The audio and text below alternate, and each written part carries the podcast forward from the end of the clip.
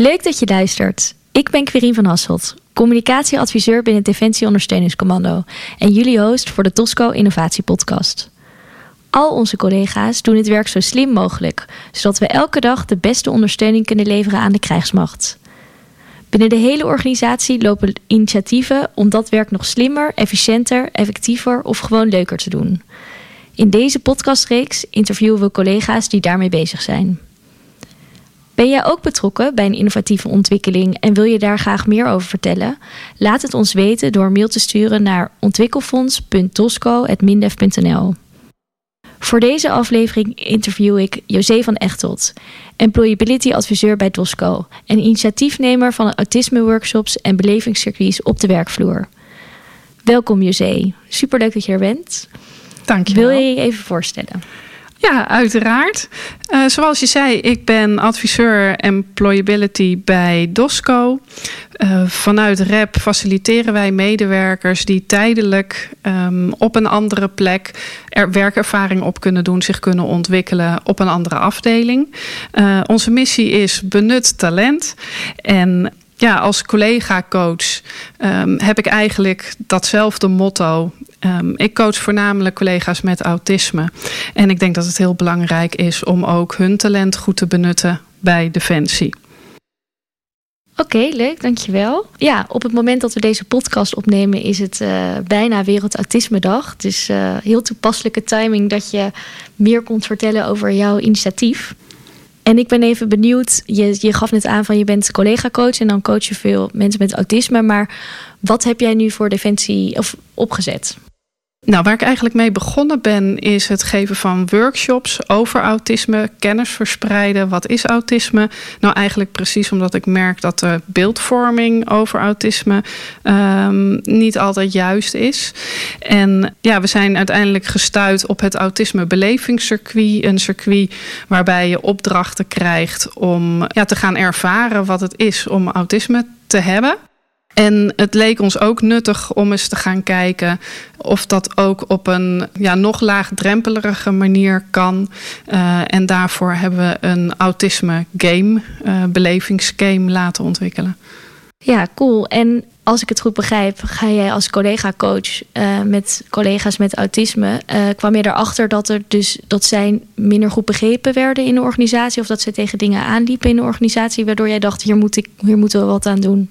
Inderdaad, ja, het is vooral het uh, niet begrepen voelen. Uh, maar aan de andere kant ook zich continu aanpassen aan ja, de, de collega's, waarschijnlijk zonder autisme, om ja, hetzelfde te gaan gedragen, uh, op dezelfde manier het werk gaan doen. Terwijl juist de kracht van mensen met autisme zit in het anders naar dingen kijken. Ja, nee, hartstikke mooi en alleen maar goed. Dit idee had je en hoe heb je dat kunnen realiseren? Um, ik heb uh, meegedaan aan uh, een ontwikkelbivak van het DOSCO Ontwikkelfonds. Uh, daar heb ik mijn ideeën mogen pitchen en uiteindelijk is besloten om um, ja, dit project te financieren. Zodat we um, het autisme belevingscircuit aan konden kopen, maar ook de game konden gaan ontwikkelen. Ja, en, en het verschil eigenlijk tussen het belevingscircuit en de game is... Het, het belevingscircuit is in een workshop en de game is dus digitaal. Klopt. Ja, bij het autisme belevingscircuit um, ja, begeleiden we eigenlijk met twee personen de mensen die de opdrachten krijgen. Daarbij maken wij onderdeel uit van uh, het circuit. Dus als begeleiders um, nou, kunnen wij soms ook wat vervelend zijn. Um, en de game ja, is heel laagdrempelig omdat je het overal kan doen. Je kan het thuis doen, je kan het op je werkplek doen als je een, uh, een half uurtje vrij hebt. Ja, en gewoon alleen fijn vindt om uh, je hierin te verdiepen, dan kan dat dus, uh, dus ook. En wat maak ik dan mee? Of hoe gaat het in zijn werk, zo'n circuit? Wat... Uh, het circuit zelf, daar krijg je een opdracht. En eigenlijk is die opdracht niet uit te voeren.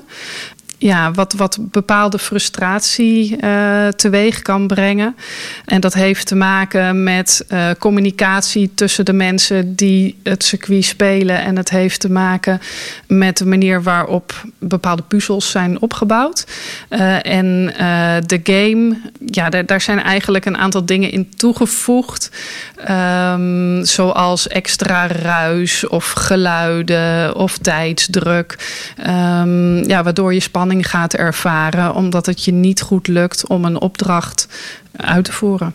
Ja, en dan merk, of tenminste, dan beleef je dus hoe uh, collega's met autisme werk in hun werk situatie dingen meemaken. Ja, hoe ze zich kunnen voelen als um, ze bijvoorbeeld in een hele drukke ruimte werken.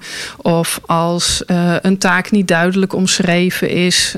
Um, werkzaamheden niet gekaderd zijn.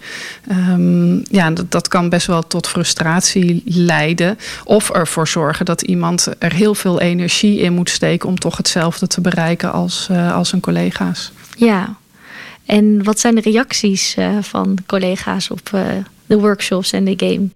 Het klinkt heel raar, maar de leukste reactie vond ik dat uiteindelijk bij het uh, circuit uh, een van de opdrachten door de zaal gegooid werd. Zo gefrustreerd was iemand. Um, en dat betekent dat wij ons werk goed hadden gedaan. Um, dus dat kunnen reacties zijn. Dat, en achteraf zeggen mensen ook echt wel dat ze meer begrip hebben voor de collega's en nu beter snappen waar reacties vandaan kunnen komen.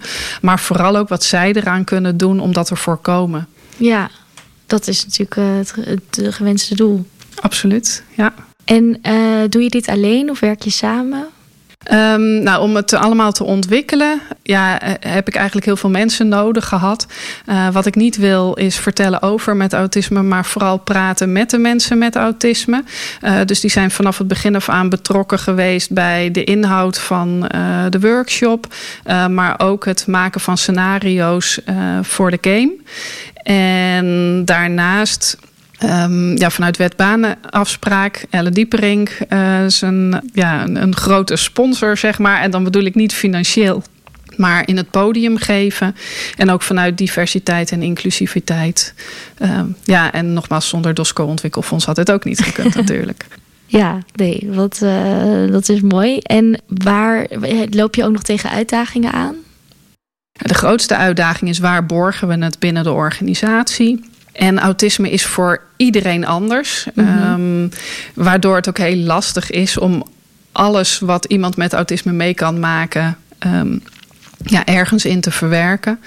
Uh, dus daarom is het heel mooi dat we in ieder geval wel zoveel mogelijk scenario's hebben en met veel mensen erover praten. Maar ja, we kunnen niet alles daar, uh, erin verwerken. Maar ik hoop dat toch de boodschap overkomt uh, dat iedereen anders is. En ja. um, iedereen zijn eigen behoefte heeft. Ja, en waarom vind je, uh, waarom is het eigenlijk belangrijk dat Defensie hier meer aandacht aan gaat besteden? Omdat ik denk dat mensen met autisme een hele waardevolle bijdrage kunnen leveren in een team, omdat ze anders denken. Um, en uh, ja, met het sowieso is bewezen, met diversere teams komen we verder. Mm -hmm. Ja, en ik, ik zou het jammer vinden als mensen met autisme defensie verlaten omdat ze zich hier niet gehoord voelen. En dat is helaas wat er in het verleden wel is gebeurd. Um, ja, dus door met elkaar in gesprek te gaan, denk ik dat wij uh, een veilige werkomgeving kunnen creëren. En er als Defensie echt profijt van kunnen hebben. Ja, nee, dat, uh, dat is hartstikke mooi gezegd. En we moeten natuurlijk zeker voorkomen dat mensen Defensie verlaten omdat ze zich hier niet thuis voelen. Maar um, en wat, ja, wat hoop je in de toekomst met dit nog te bereiken? Nou, het mooiste wat ik uh, zou vinden als mensen met autisme dit verhaal zelf kunnen vertellen.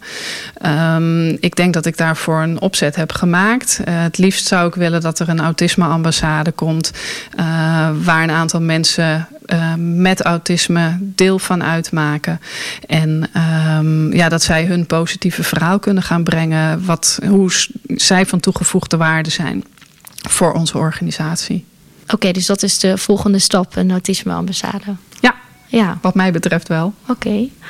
Nou, ik hoop dat, dat, uh, dat we dat binnenkort gaan zien, de autisme-ambassade. En uh, heel veel dank dat je kwam vertellen over uh, je mooie initiatieven.